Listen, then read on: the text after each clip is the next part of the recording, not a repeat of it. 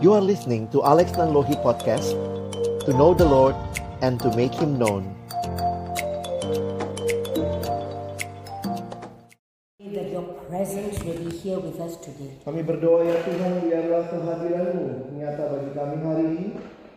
Move among us, Holy Spirit.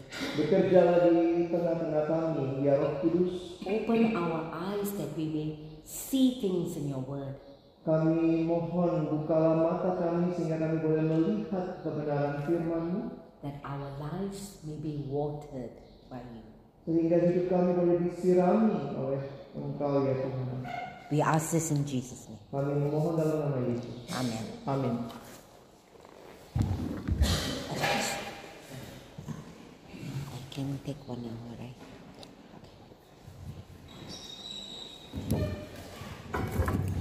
Some of you who came and pulled chairs for yourself, you do not have the paper that I gave out. Saudara yang tadi datang terlambat dan ambil bangku baru, maka saudara tidak dapat ada kertas yang saya taruh. Jadi kalau bisa duduknya di bangku Please come and collect those papers. ambil eh, boleh maju ambil kertas ya Eh. pastikan saudara punya kertas ini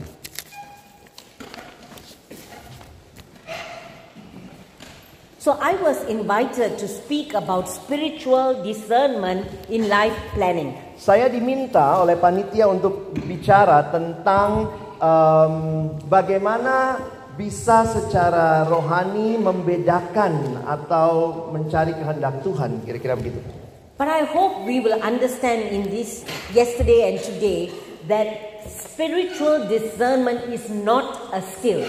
Tapi saya harap melalui sesi kemarin dan hari ini bahwa yang namanya mencari kehendak Tuhan itu bukanlah sebuah keterampilan atau skill. It is not what we do, Ini bukan tentang apa yang harus kita lakukan, it's who we are becoming. tetapi adalah tentang siapa kita atau kita akan menjadi seperti apa. So every person in the Bible you see when they began with the Lord, they did not have spiritual discernment.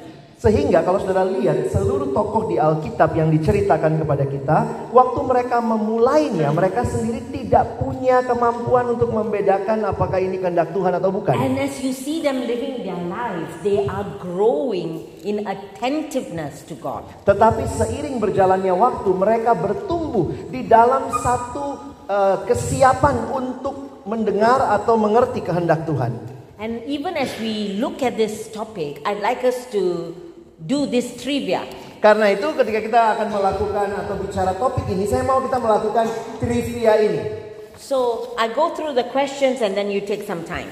Jadi saya akan coba bacakan pertanyaannya, lalu saudara coba isi ya. The first question Pertanyaan pertama, Name one leader whom you have always admired. Why? sebutkan satu nama pemimpin yang selalu saudara kagumi dan alasannya. Second question Pertanyaan kedua, dengar dulu semua ya. Name two world famous Christian leaders and why you chose them. Sebutkan dua nama pemimpin Kristen yang terkenal dan mengapa dua nama itu saudara pilih. Number three, Yang ketiga, trivia means random questions. jadi trivia itu adalah pertanyaan yang random ya. Number three, name me five qualities of sheep. Yang ketiga adalah berikan lima kualitas dari domba, eh, gembala. Sheep, sheep. Sheep, sound the sheep, domba. Number four, Empat, ah, that's about Gambala. nah ini yang tentang gembalanya ya. If you could go to shepherding school, what are two things you would like to learn? Kalau saudara diizinkan ikut dalam sekolah penggembalaan, apa dua hal yang saudara mau pelajari? Number five, Yang kelima, top three qualifications to be a Christian leader. sebutkan tiga hal teratas yang paling utama untuk menjadi pemimpin Kristen. And the last question, Dan pertanyaan terakhir, if you were embarking on a journey on, of leadership, kalau saudara misalnya sedang mau berangkat menuju satu perjalanan kepemimpinan, what are three things you will bring in your survival kit? Apa tiga hal yang akan saudara bawa seperti di tas untuk bisa bertahan, survive? I give you seven minutes to do this. Dan tujuh menit, saudara silakan isi ini. Thank you. Terima kasih.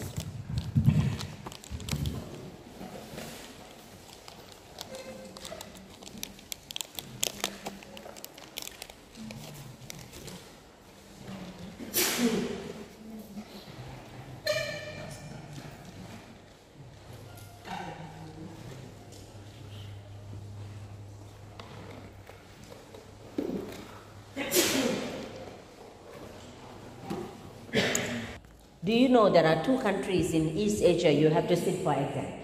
Saudara tahu ada dua negara di dalam pelayanan kita di Asia Timur. Kalau mau terima staff, staffnya harus duduk mengerjakan ujian. Ada dua negara. You guess which country? Dan saudara bisa Sorry? menebak. Malaysia, no, Miss Injite. Bukan di Malaysia katanya ya. Taiwan. Taiwan?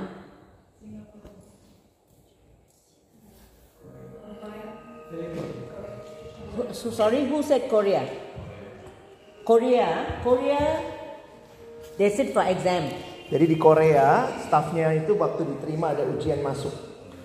So every year there are about 100 people who apply to become staff. Jadi setiap tahunnya ada sekitar 100 orang yang daftar jadi staff. They sit for exam, Mereka duduk ikut ujian, 20 people are chosen, hanya 20 orang yang dipilih. and from the 20, they have another face to face examination, and maybe 10 people are chosen. Jadi dari 20 orang itu masih ada yang harus eh, wawancara ujian lisan untuk kemudian hanya dipilih 10.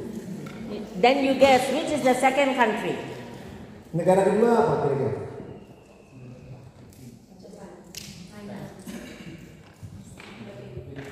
It's the country that Korea pioneered, Mongolia.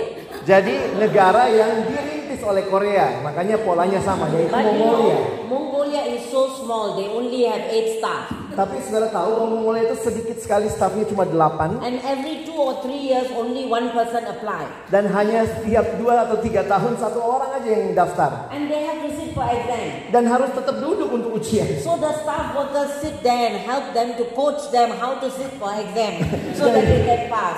Jadi staf-staf yang terlebih dahulu itu mementor staf yang muda untuk bagaimana mengikuti ujian supaya lulus. Amazing, right? Luar biasa ya.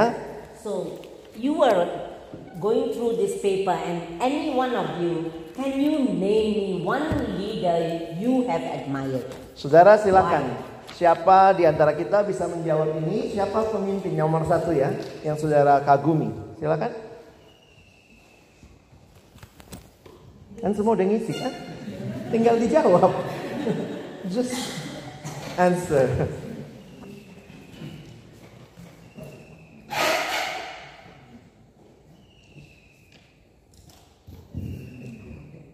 C.S. Lewis. Why? Why? He's so honest and he can easily, easily explain a difficult topic.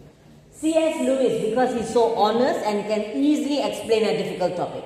C.S. Lewis karena dia sangat jujur dan bisa menjelaskan topik yang sulit jadi mudah. Eh, Ahok the the former gover- governor. Why? Kenapa? Baru kan? melahirkan.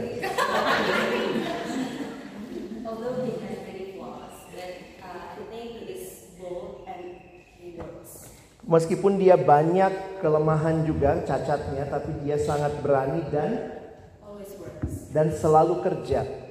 So, you know, we come across many leaders. Saya saudara tahu kita memang banyak ketemu pemimpin Some we respect, some we we can see their flaws, but they we still see they are good leaders. Jadi ada beberapa yang sangat baik, ada juga yang kita tahu cacatnya, tetapi kita tetap melihat mereka sebagai pemimpin yang now, baik. question number two is famous Christian leaders too.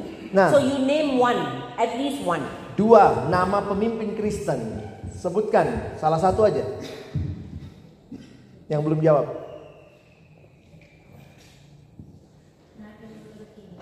Martin Luther King Junior. Jr. kan? Okay. Jadi dia memberikan contoh hidup dari orang yang berani menyatakan pendapatnya dan bertindak atas dasar kebenaran. So he is the man at the corner, on the bottom corner. Dia yang kiri bawah itu. Yeah, he's also one of my heroes. Dia juga salah satu pahlawannya Ibu Anet. Others of you. Ada lagi yang lain?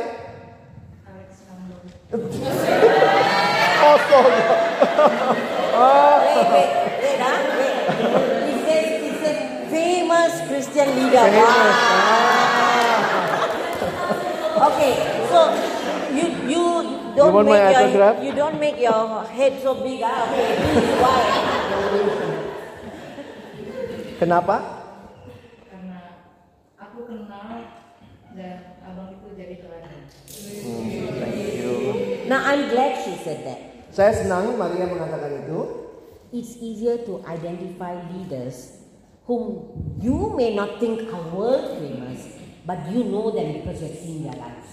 Banyak kali kita mungkin sulit mengidentifikasi pemimpin yang terlalu besar karena kita nggak lihat hidup dia, tapi kepa- kepada orang yang saudara lihat hidupnya. Now, do you know why staff workers are powerful people? Karena itu saudara tahu kenapa sebagai staff ini orang-orang yang powerful punya pengaruh. We walk with the students. Karena kita berjalan bersama para They, mahasiswa. they watch our lives. Mereka lihat hidup kita. They see our flaws as well as our strengths. Mereka melihat kelemahan kegagalan kita, se- demikian juga kekuatan kita.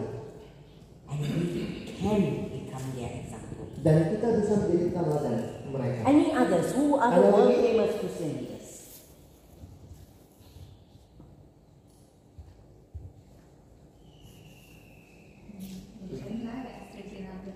her um, her tutor um, apa ya lecturer at the seminary Astri Sinaga she's our former alumni Why? why she also knows her weakness and she want to open Thank you. thank you Anybody else? This side has been strangely silent. ini udah wilayah yang diem banget ini sebelah sini Anybody wants to share? ada yang mau share James Russell Taylor Why? dia bilang kegigihan dan keberanian yeah because he's uh, tough and also brave He's James Hudson Taylor was one of the first to come to China and who taught people that to be a missionary you live in that culture.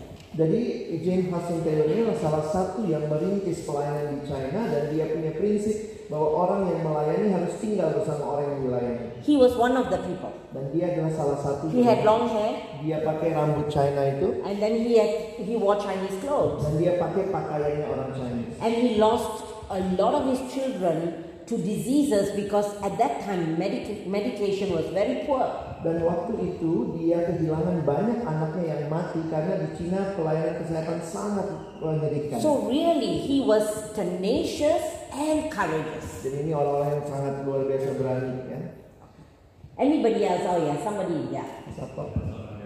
Nelson Mandela. Nelson Mandela also up there. Ada ya di situ juga. Why? ya. Why Nelson Mandela? mau merangkul demi persatuan bangsa. Iya. so- You know, he really went all out, even to forgive people who were against him, so that their nation could be united. Dia begitu rupa bahkan mau merangkul datang kepada orang yang menyakiti dia memaafkan dan merangkul mereka. Next question, you will find it so easy. Name me five qualities of sheep. Oke, pertanyaan berikutnya lebih mudah ya. Apa? Lima kualitas domba. Each one, just one, one, one. Satu satu satu ayo. Okay, come. Teachable. Always hungry, teachable, Selalu lapar, mau diajar. loves to relax. Senang, santai-santai. Lalu kali. Anything else? Ya, sini. Well, in community. They always go in a group. You hardly find them walking alone. Jarang sendiri kecuali ship. What else? Except Sean the sheep. is Yeah. it? Okay. What else? Ada yang lain? Stinky. Bau. Stinky. Are you sure? yeah, they're very stinky animals, huh? Ya What itu else? bau banget ya. Apalagi dengar-dengaran who want to listen. They hear a voice and they can follow. Huh? Ya, mereka dengar suara dan men- mengikuti. What else? Ada lagi? They are stupid. Why do you say they are stupid? they love to to jump in drum They get into all kinds of trouble.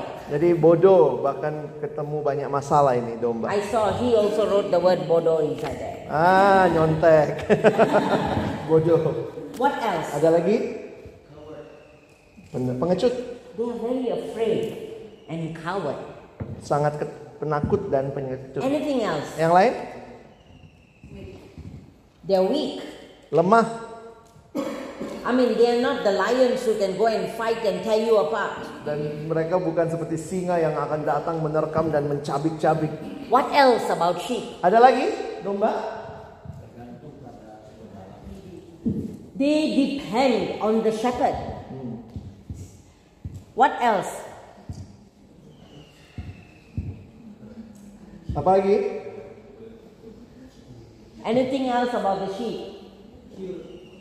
Cute. They are cute, huh? Iya, Lucu.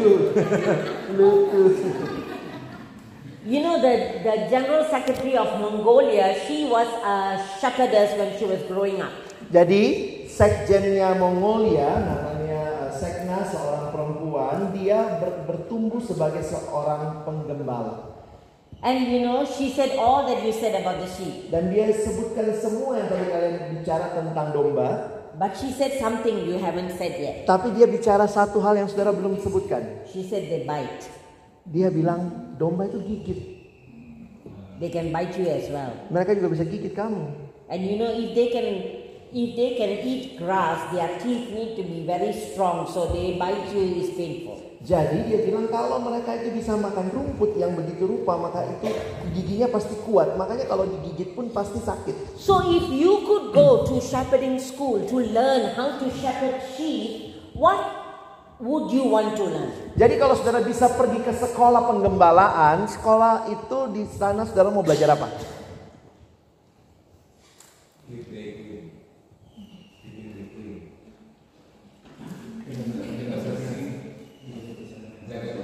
Oh, care about the, uh, the- Teaching them or helping them to be clean.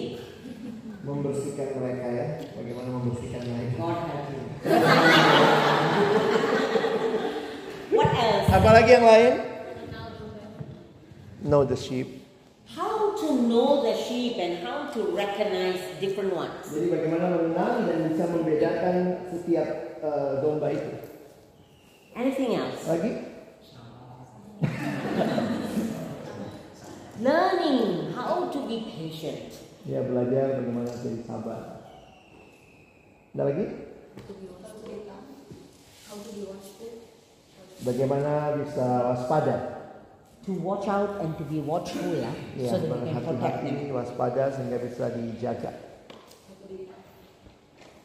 How to be tough? You want to teach the sheep how to be tough, or you want to be tough? How to be tough so that you know you don't get very discouraged by the sheep. Jadi bagaimana minta supaya secara pribadi bisa ditolong jadi kuat supaya bisa menghadapi domba ini. Anything else? Ada yang lain? makanan apa yang perlu dikasih Tak perlu tahu itu semua. Nggak butuh. They know how to cari sendiri. eh. okay, ha- what they need? Kita minta apa kebutuhannya. What else? Ada lagi?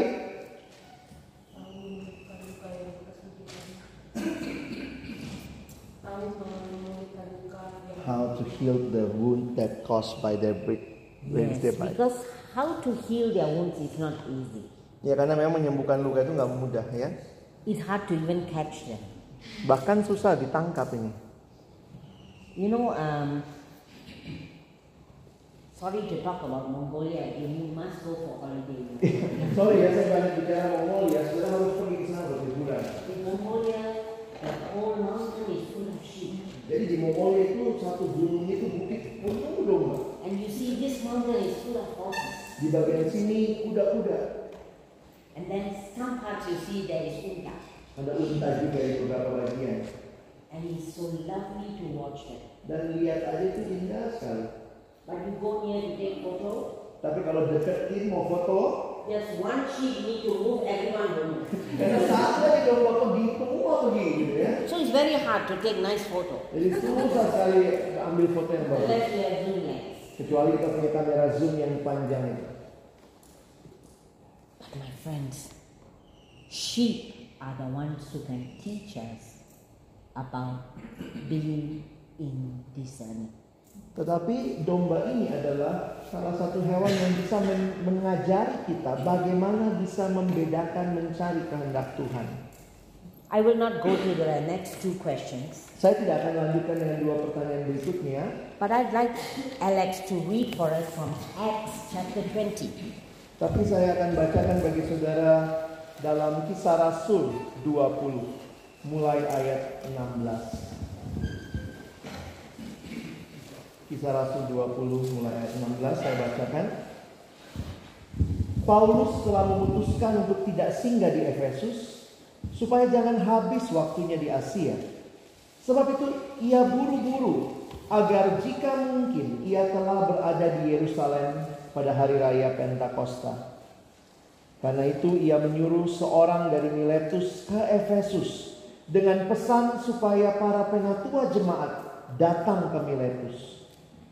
Sesudah mereka datang, berkatalah ia kepada mereka, "Kamu tahu bagaimana aku hidup di antara kamu sejak hari pertama aku tiba di Asia ini.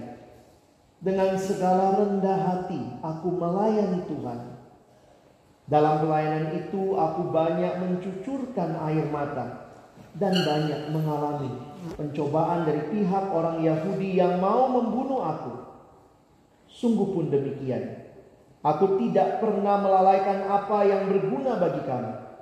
Semua ku beritakan dan kuajarkan kepada kamu. Baik di muka umum maupun dalam perkumpulan-perkumpulan di rumah kamu. Aku senantiasa bersaksi kepada orang-orang Yahudi dan orang-orang Yunani. Supaya mereka bertobat kepada Allah dan percaya kepada Tuhan kita, Yesus Kristus. I purposely chose a passage about the life of Paul Saya secara sengaja memilih perikop tentang kehidupan Paulus And it's a passage that most of us will read very fast. dan ini biasanya bagian-bagian yang kalau kita baca cepat sekali kita bacanya. Paul was actually moving towards Jerusalem.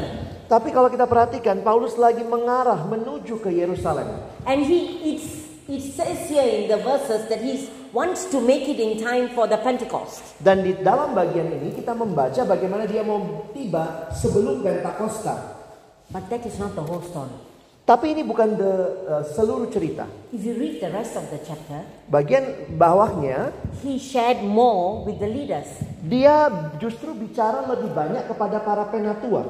He told them that what is ahead of me is persecution. Tetapi dia dan dia bicara kepada mereka bahwa apa yang ada di hadapanku adalah penderitaan. So he's not just going towards Pentecost, he's going towards being caught Jadi- and being imprisoned for the gospel. Ini bukan hanya sedang pergi ke Yerusalem sebelum Pentakosta, tapi pergi ke sana untuk akhirnya dia ditangkap, dia dipenjarakan, dan dia mengalami penderitaan. And if you look quickly at verse 36 and 37, all the leaders they wept when they when they finished praying together because he told them, You will never see me again.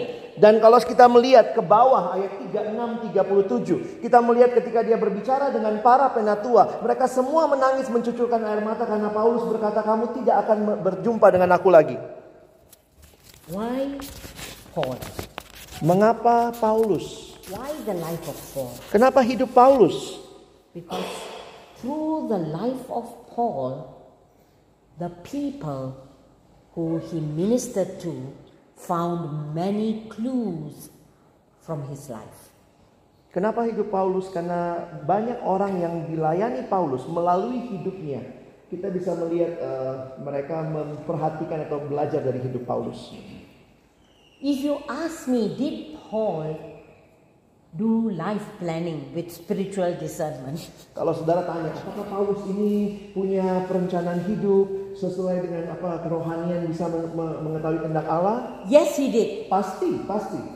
Because you remember, he always planned where he wants to go. Karena kita tahu bahwa Paulus itu rencananya bagus sekali. Dia rencanakan mau kemana saja dia. But the spiritual discernment came when sometimes he wanted to go here and the door closed. Tetapi ketika dia bergumul mencari kehendak Tuhan, mungkin dia mau ke situ. Tapi kita juga lihat bagaimana Tuhan tutup pintu itu. He wanted to go to Greece, Dia mau ke Yunani, the door's closed. pintu tertutup. He wanted to go to a few other places, he couldn't make it. Dia juga mau pergi ke beberapa tempat. Dia tidak bahkan tidak bisa. ke One of sana. the places he longed to go was Romans. Dan tempat yang dia ingin sekali ke sana, salah satunya adalah Roma. He only went there as a prisoner. Dan dia hanya ke sana justru sebagai tahanan pada akhirnya. But he was open when God closed the door. And when God gave him a dream, he was open to God. Tetapi dia terbuka di hadapan Tuhan sehingga ketika pintu itu tertutup, dia mendapatkan mimpi. Dia melihat itu sebagai bagian yang Tuhan Remember, he had bukakan. a dream of the man of Macedonia calling him to come. Kita melihat di kisah Rasul 16 ada mimpi tentang seorang Makedonia yang memanggil dia datanglah kemari. And immediately he packed his bags and went there. dan segera dia bergegas bawa barangnya dan pergi ke Makedonia. So people were looking at his life. Jadi orang-orang lihat hidupnya And one of the people who were looking at his life were the Ephesians. Dan salah satu jemaat yang lihat betul hidup Paulus adalah jemaat Efesus. If you look at the chapter before this, Kalau saudara perhatikan di dalam bagian kisah Rasul sebelumnya 19. he stayed there for many months to preach the gospel and Dia- to, to minister to people. Paulus tinggal berbulan-bulan lamanya di Efesus untuk melayani jemaat. But Tetapi he was persecuted. tapi dia dianiaya. If you look at chapter 19, Paul in Ephesians, Saudara lihat pasal 19 Paulus di Efesus. halfway through in verse 23, there was a riot. Saudara lihat mulai dari ayat 23 ke bawah ada sebuah keributan yang terjadi. Because he delivered the demon from a girl. Karena Paulus mengeluarkan setan dari seorang hamba perempuan, And it was dangerous for him to stay there. karena itu bahaya bagi Paulus untuk tetap stay di situ. He left. Dia pergi dari situ. Then he went to Macedonia and Greece. Lalu dia pergi ke Makedonia dan juga ke Yunani. But now you see, he's heading back to Jerusalem. Tapi saudara lihat, sekarang dia balik lagi ke arah Yerusalem. When people look at his life, Jadi waktu orang lihat hidup Paulus, they could see a lot of clues. mereka bisa melihat begitu banyak petunjuk-petunjuk. And my sister just now pointed out about Alex. Dan tadi Maria bicara tentang saya, It's because you can look at the person's life up close. karena saudara bisa lihat hidup orang itu dekat dengan kamu. And people are going to be looking at your life. Dan ingat orang akan lihat hidup saudara. Over time, they will decide what kind of life you are living. Sehingga seiring berjalannya waktu mereka itu akan memutuskan hidup macam apa yang saya mau ikuti. And there may be three conclusions they make about you. Dan mungkin ada tiga kesimpulan yang orang akan buat dari hidup They look saudara. at your life and they say, wow, this person is like a fresh, juicy grape, alive to God. Jadi mungkin mereka akan melihat, wow hidup orang ini adalah seperti anggur yang begitu segar, juicy. Or they may come to the conclusion you are like a raisin, dry, no life, burnt out. Atau mereka bisa lihat hidup saudara, wah ini hidupnya kering banget, orangnya kecapean, keletihan, Distance from God. orangnya jauh dari Tuhan. I remember one, one of my students made this comment about her father. Saya ingat seorang mahasiswa yang saya layani memberikan komentar ini waktu dia Her lihat papanya. father was a preacher.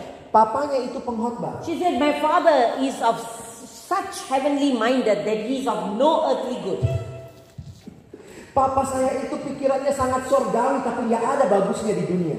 And they may come to that conclusion about you and I. Dan ingat, orang bisa sampai kesimpulan itu juga waktu lihat hidup. That our message, the gospel, message of the gospel is not relevant on earth. Bahwa pesan-pesan Injil yang kita sampaikan itu bagus sekali tapi tidak relevan. Like it or not, somebody is watching you. Suka atau tidak, ada orang-orang yang perhatikan hidup kita. How do we live with discernment? Bagaimana kita bisa hidup dengan discernment ini? Because they are catching something from your life.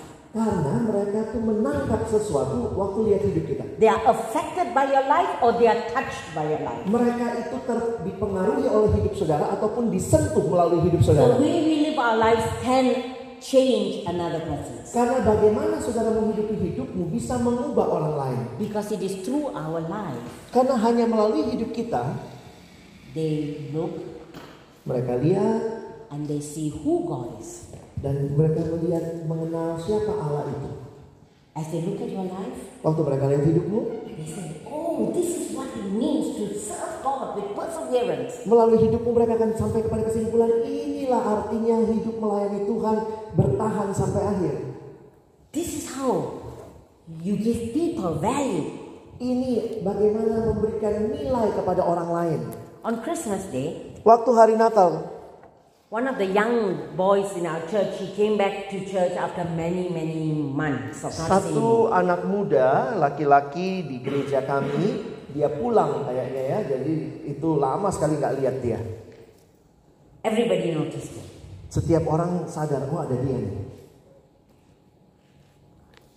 His hair was yellow, pink, green, many colors.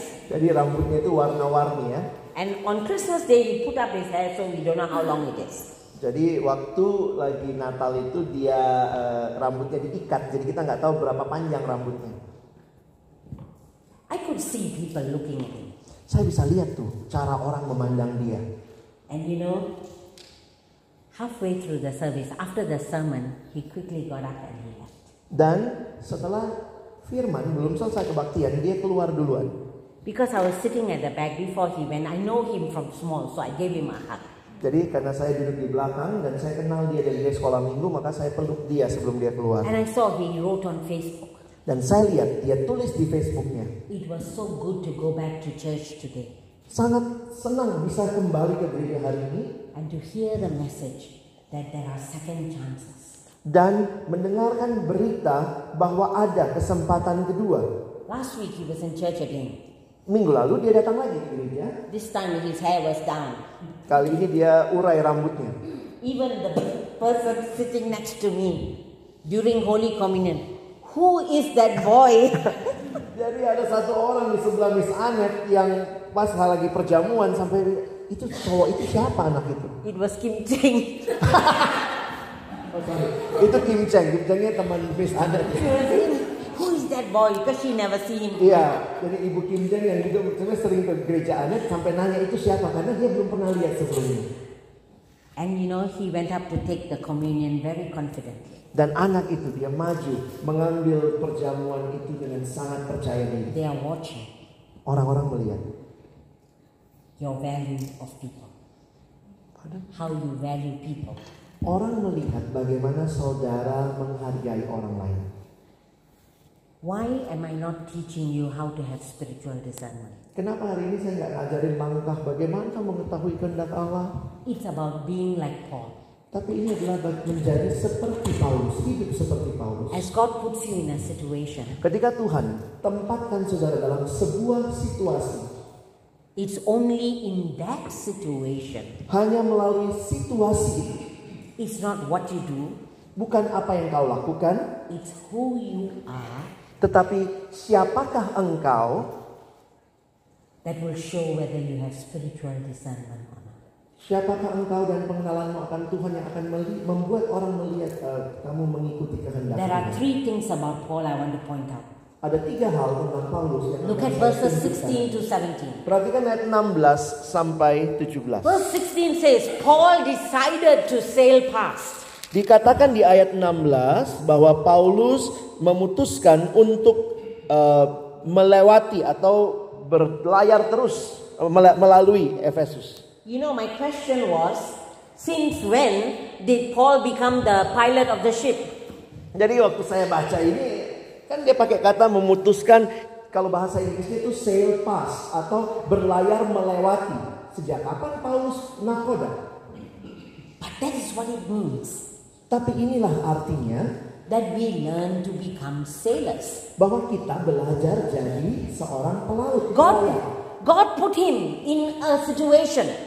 Tuhan eh, eh, tempatkan Paulus dalam sebuah situasi. He's heading towards his imprisonment. Dia sedang menuju kepada peng- pemenjaraannya And he also wants to make it before Pentecost. dan dia bahkan mau mencapai itu sebelum hari Pentakosta. Behind him Di belakang dia is persecution from Ephesus. ada persekusi atau penderi- eh, penganiayaan dari Efesus. But he needed to meet the leaders of Ephesus to say goodbye. Tapi dia tetap merasa perlu ketemu dengan penatua Efesus untuk mengucapkan per- salam perpisahan. All this you cannot plan.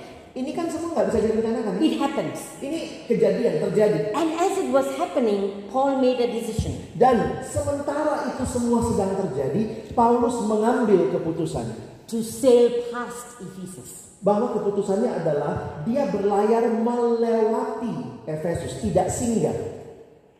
And the scriptures in verse 16 say, because he was in a hurry to get to Dan Jerusalem. jelas sekali Alkitab mengatakan kenapa dia sail past karena dia sedang buru-buru ke Yerusalem. But in verse 17, he stopped in Miletus Tapi ingat, lihat di ayat 17 dia stop di kota Miletus and called for the leaders from Ephesus to come. dan dia panggil penatua-penatua Efesus para pemimpin itu untuk datang ke Miletus. You know how long it takes to come like that? Kalian tahu berapa jauh dari Efesus ke Miletus? You send somebody to go and call them, then they come. It takes time. Pada masa itu berarti Paulus harus kirim orang dari Miletus ke Efesus, dari Efesus balik lagi. Itu waktunya panjang. And the whole chapter is about what he was talking with them. Dan sepanjang perikop di bawahnya, ini adalah apa isi percakapan Paulus dengan penatua di Miletus, penatua Efesus di Miletus. It doesn't sound like a man in a hurry. Kalau kita baca ini kayak orang yang lagi nggak buru-buru, It sounds like a man who has discernment. tapi ini kelihatan sebagai orang yang sangat memahami kehendak Allah.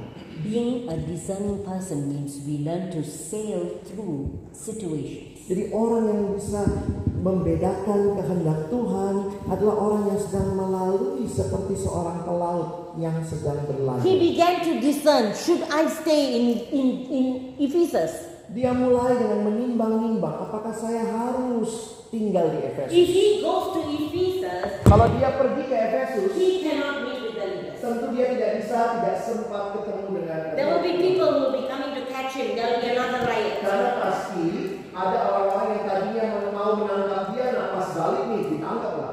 So he needed to focus on the leaders. Jadi dia tahu dia harus fokusnya kepada para pemimpin. They were going to continue the work. dan mereka lah orang yang melanjutkan pekerjaan So pelayan he went to Miletus sehingga dia dia pergi ke Miletus and all that. dan justru panggil mereka That is discernment. itu adalah bagaimana bisa membedakan Yesterday, my brother, when he showed this picture of a lot of food, ketika kemarin Nando gak kasih gambar makanan itu and then he said that maybe his ministry was overwhelming yesterday, uh, last year.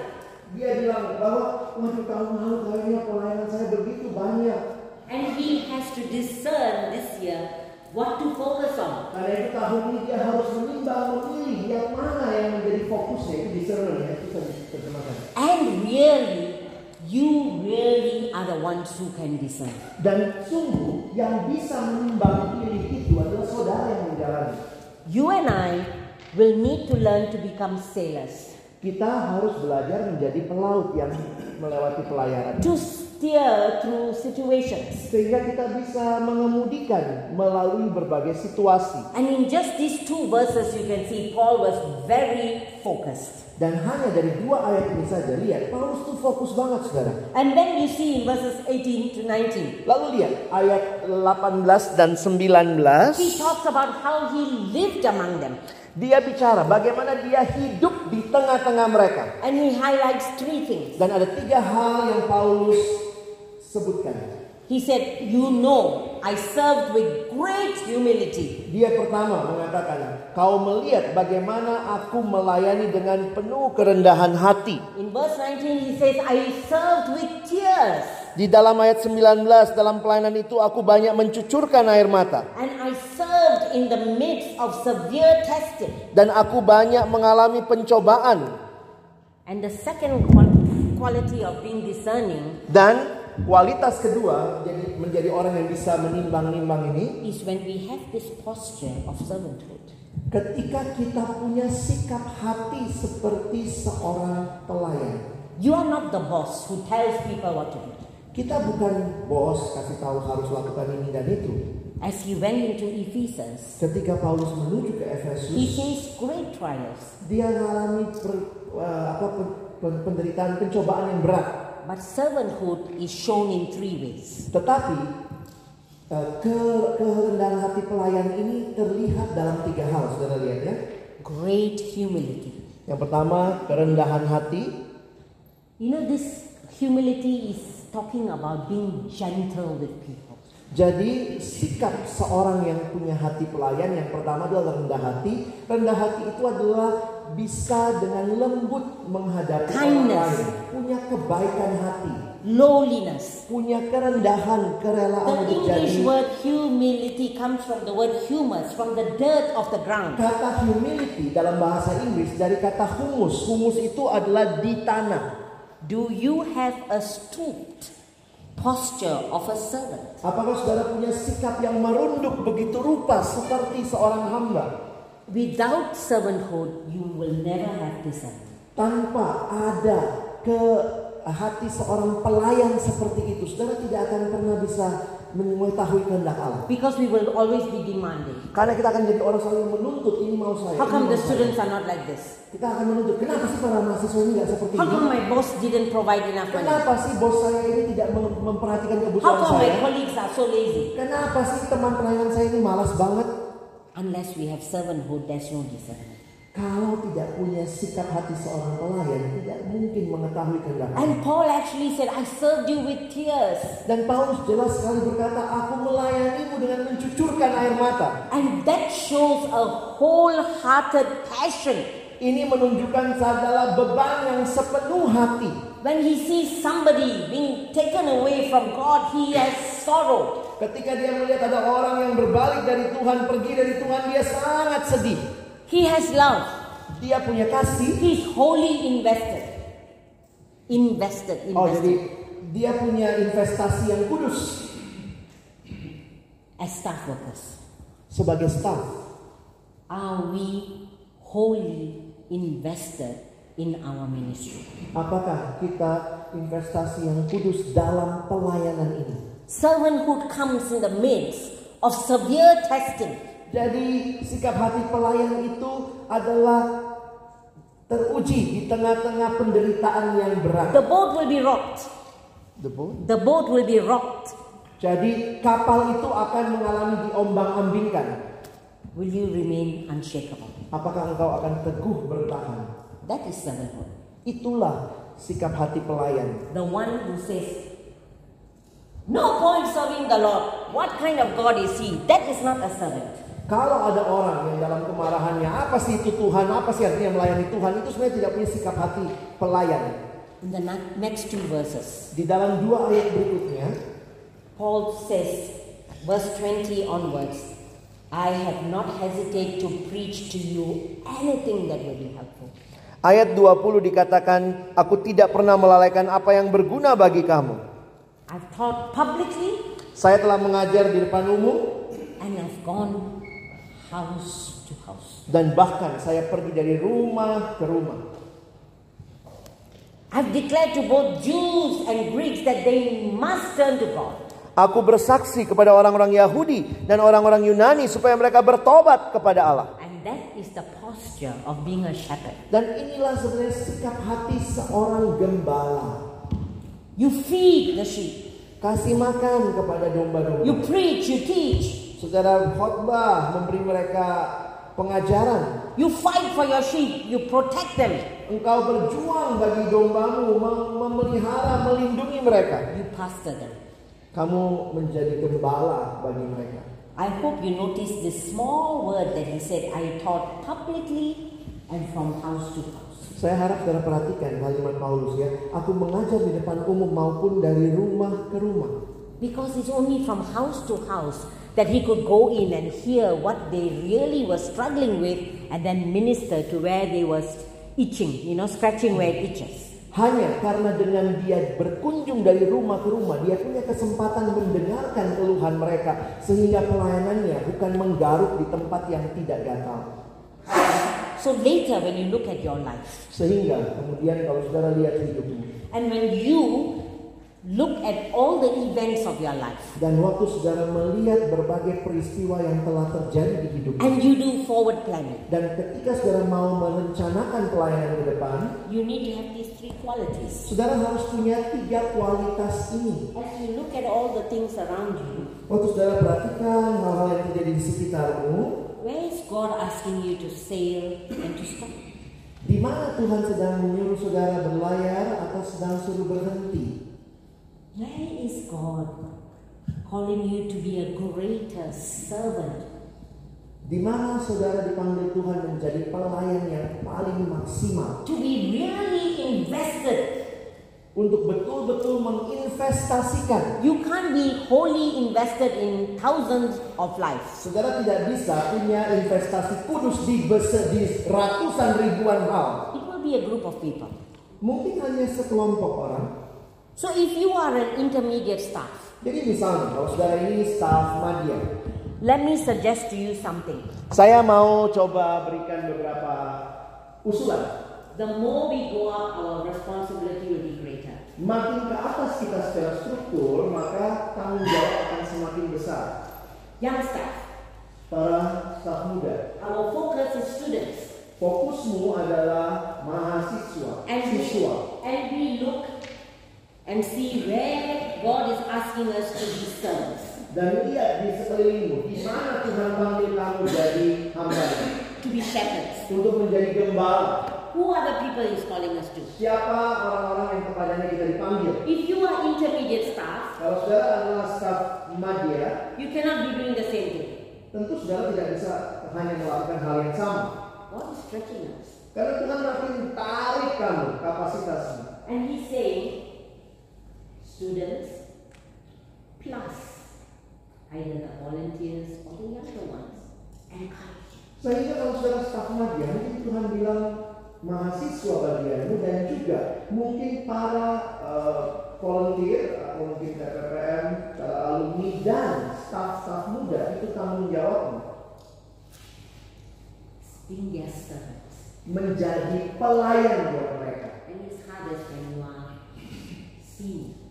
Dan ini makin susah ketika makin sulit kalau saudara senior Because you may hold a title as leader of something, Karena makin senior kan punya jabatan adalah pemimpin dalam ini. but you know Bishop Quayle pointed out that Bible never talks about leaders. Tapi Bishop Wayung ngomong Alkitab tuh nggak pernah bicara kepemimpinan, eh, pemimpin. Every time it talks about leaders, it mentions it in negative. Setiap kali di Alkitab bisa dicek kalau bicara pemimpin itu negatif belakangnya. But always, when the Bible talks about what we call leaders, it talks about servants. Tapi setiap kali Alkitab bicara apa yang kita sekarang sebut pemimpin, Alkitab pakai istilah pelayan. And we serve the movement.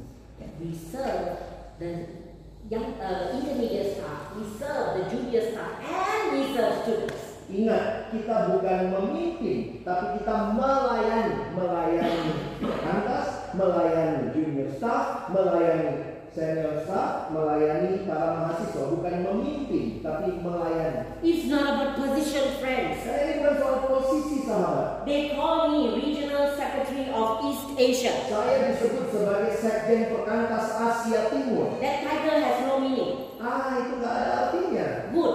Bagus. It's not CEO. Bukan CEO ya. If CEO got meaning, right? Karena kalau itu CEO ada artinya. But it's called Regional Secretary. Tapi dibilang regional sekretaris sekjen apaan tuh? People think it's a secretary, Saya kerana. pikir berjudul tulis sekretaris Good. bagus Because then you go there, you are not. karena dengan title yang tidak mengandung unsur itu ya saya bisa kemana-mana saya bukan siapa-siapa We are servants and shepherds.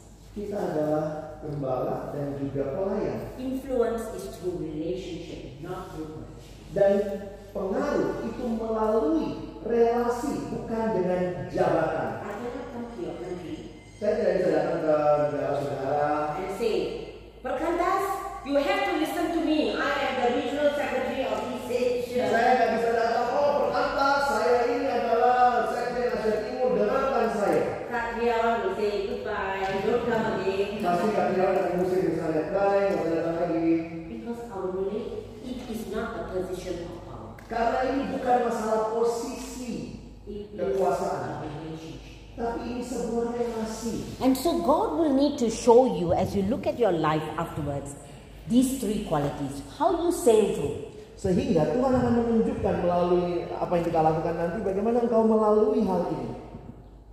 How you be a servant. Bagaimana saudara menjadi pelayan. How do you become a shepherd. Bagaimana saudara menjadi gembala. One day, there was a cocoon that was found by a man, Satu hari ada sebuah kepompong ditemukan seorang pria. and he saw a small opening, Lalu orang itu lihat ada celah kepompongnya sedikit terbuka. and he found the butterfly pushing its way through. Dan dia lihat ih kupu-kupu di dalamnya mau gerak keluar. But for a long time, it made no progress. Tapi ini kok nggak muncul-muncul. So the man decided to help the butterfly. Ah, pria ini bilang saya mau tolong kupu-kupu ini. He took the scissors Dia ambil gunting, and he cut the kepompong dia eh, kepompongnya dipotong so that the butterfly can be free. sehingga kupu-kupunya besar bisa keluar. And the butterfly came out, Keluar sih, and its body was so big, tubuhnya gede banget, and the wings were so small, tapi sayapnya kecil banget. and it couldn't fly. Nggak bisa terbang malah kupu-kupunya. You never will learn discernment Saudara tidak bisa mengetahui tentang alam from some techniques. melalui teknik. God will put you through situations Tuhan akan taruh saudara melalui sebuah and situasi ask you to choose dan meminta saudara pilih and point you to needs. dan menunjukkan saudara di mana ada kebutuhan-kebutuhan. And then, as you push your way through that, Dan ketika saudara melewati itu, you will become strong. saudara akan semakin kuat. That's why a butterfly goes through that stage of being in the kapompong. Karena itulah itu yang harus dilewati oleh si kupu-kupu mesti melewati kepompong. As it pushes its way out, the wings become strong. Hanya dengan kupu-kupu itu dari dalam dorong maka disitulah sayapnya akan kuat. God is not going to tell you, okay, you only need to do this, all the others no need. Jadi Tuhan tidak akan mengatakan kamu hanya ini yang kamu lakukan ini nggak usah. You choose. Saudara pilih You might make mistakes. mungkin bisa salah pilih, He will redirect you. tapi Tuhan akan meng- mengarahkan kita kembali. But we learn these three things to become sailors, servants, and shepherds. Tapi kita belajar melaluinya bagaimana menjadi pelaut, pelayan dan juga gembala. God will, has given you your life and your experience. Tuhan telah memberikan engkau kehidupanmu dan juga pengalaman-pengalaman hidupmu. And He charges you to be faithful. Dan Tuhan mengisi ulang kita untuk menjadi setia. As you learn to read your life, Sehingga ketika kita belajar membaca hidup kita, we will learn discernment. kita akan belajar apa artinya memilih mengetahui kehendaknya. Because through living our life, we will learn how to be tenacious, Karena hanya dengan mengikuti eh, apa ya eh, membaca hidup kita, kita akan belajar menjadi how you tenacious, anaknya? perseverance, Eh, belajar untuk bertahan, setia, and not let go. dan tidak melepaskan. You learn who God is. Kita belajar siapa Allah itu, And that is when people will look at your life and say, You are an example to me. dan ketika itu orang akan melihat hidup saudara dan orang akan berkata, engkau teladanku. You will learn to be vulnerable, Saudara akan belajar menjadi orang yang rapuh, like what my friend's mentor is teaching. seperti Ibu Asri Sinaga mengajar kepada Wika. You're vulnerable, you're truthful about your life. Saudara terbuka dengan hidupmu menunjukkan kerapuhanmu And people consider you an example. dan bahkan waktu itu orang yang melihat oh ini teladanku. And we learn to serve with confidence Dan kita juga belajar melayani dengan penuh keyakinan because we have wrestled with God karena kita telah me- bergumul dengan Tuhan and we found that God can. dan kita memahami hasilnya bahwa Tuhan itu sanggup. So, you know, afterwards in the workshop, Jadi setelah ini dalam latihan yang diberikan pada kita, I hope you will learn to read your life. saya harap saudara belajar membaca hidupmu. your experiences. belajar dari uh, pengalaman-pengalaman Sit with hidup God. duduk sama Tuhan What are you showing me through this experience? tanya sama Tuhan Tuhan kenapa saya alami ini Tuhan mau saya belajar apa And you will find He's pointing you in one direction. Dan mungkin saudara akan melihat bagaimana Tuhan memimpinmu ke depan. So, with this, Jadi dengan hal ini I think that we can finish this scripture engagement kita bisa selesai eksposisi pagi ini. and we will come back after a break. Kita akan kembali setelah break. You know, but I hope you will keep this treasure about Paul with you. Tapi saya harap kita menyimpan harta kekayaan teladan Paulus ini dengan kita. Not a great mystical thing about being spiritually discerned. Jadi menjadi orang yang bisa membedakan kehendak Tuhan itu bukan sesuatu yang mistis begitu besar, but it's about being faithful tapi adalah dengan menjadi setia, to hear God. mendengar Allah. When Paul ended his life, he was at the peak of his career. Ketika Paulus mengakhiri hidupnya, dia ada di puncak karirnya. And that was also when he became the most servant of all. Dan justru di saat itulah dia menjadi pelayan yang begitu rendah bagi semuanya. Mari berdoa. Arahkan kami ya Tuhan melihat Engkau yang sudah berkarya, terus berkarya dalam hidup kami. Dialah teladan hambamu Paulus. Belajar menjadi pelaut yang mengarungi kehidupan belajar menjadi pelayan yang setia menjadi gembala bagi umat Allah menolong kami juga melihat bagaimana Tuhan sedang mengarahkan hidup kami bukan teknik-teknik menemukan mencari menimbang pilih kehendak Tuhan tapi kehidupan bersama Tuhan menjadi kesempatan kami menikmati, dipimpin, diarahkan oleh Tuhan. Waktu ke depan kami persembahkan bagimu. Dalam nama Yesus kami berdoa. Amin.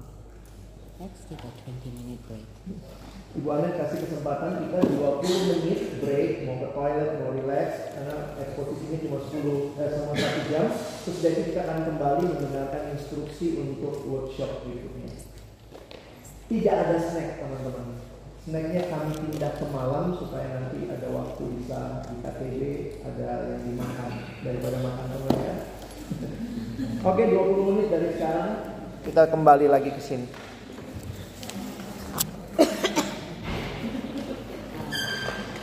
Break.